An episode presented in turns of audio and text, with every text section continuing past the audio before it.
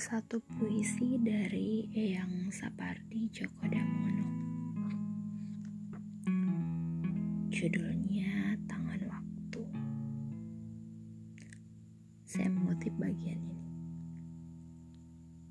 Belum pernah ia minta izin memutar jarum-jarum jam tua yang segera tergesa-gesa saja berdetak tanpa menoleh walau kau seru.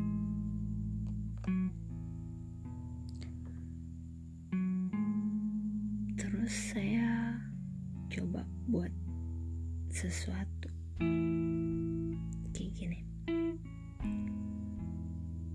Saya memintanya untuk menggenggam sakitku agar kelak aku bisa melihatnya kembali atau untuk menoleh sejenak pada genggamannya.